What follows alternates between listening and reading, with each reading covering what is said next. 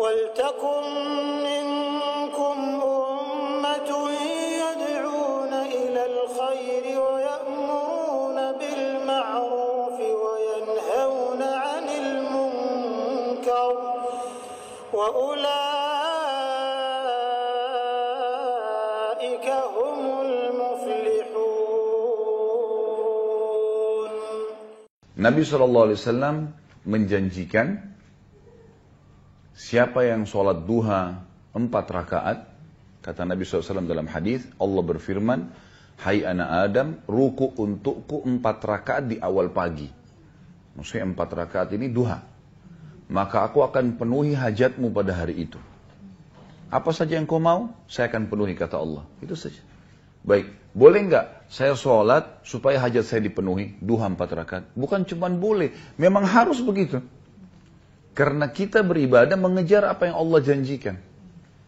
Ada sebuah kaidah yang saya dengar sering disebarkan e, di Indonesia ini, jangan kau sembah Allah karena ada surga dan jangan kamu takut sama Allah karena ada neraka.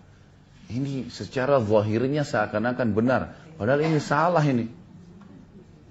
Yang suruh kita mengejar surga siapa? Wajar seseorang mengejarnya. Makanya Allah mengatakan dalam Al-Quran surah Al-Imran 133, A'udhu billahi minasyaitonir rajim wasari'u ila maghfirati min rabbikum wa jannatin arduha samawati wal ardu iddat lil muttaqin. Berlumba-lumbalah kalian, bersegeralah kalian dalam bertobat kepada Tuhan kalian dan kejar surga itu. Yang surga itu seluas langit dan bumi. Kenapa para sahabat pada saat pergi berperang mau mati syahid dibunuh oleh musuh? Karena mau masuk surga. Wajar, dia jadikan itu sebagai motivatornya. Dan memang harusnya begitu. Dan harus kita yakin itu benar. Udah selesai. Saya udah kerjain, sekarang saya kerjain sholat.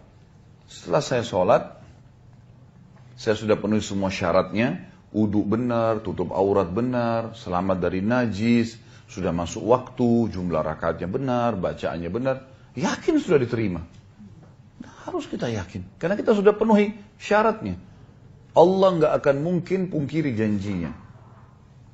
Harus kita ikuti keyakinan itu. Kita harus yakin orang-orang beriman akan mendapatkan balasan, kebahagiaan. Iya, itu janji. Inna Allah la yukhliful mi'ad. Allah nggak akan pungkiri janjinya. Wa man asdaqu minallahi qila. Siapa yang lebih jujur daripada Allah? Dalam ayat lain, walan tajida li sunnatillahi tabdila. Kalian tidak akan pernah mendapatkan di sistem yang Allah buat perubahan.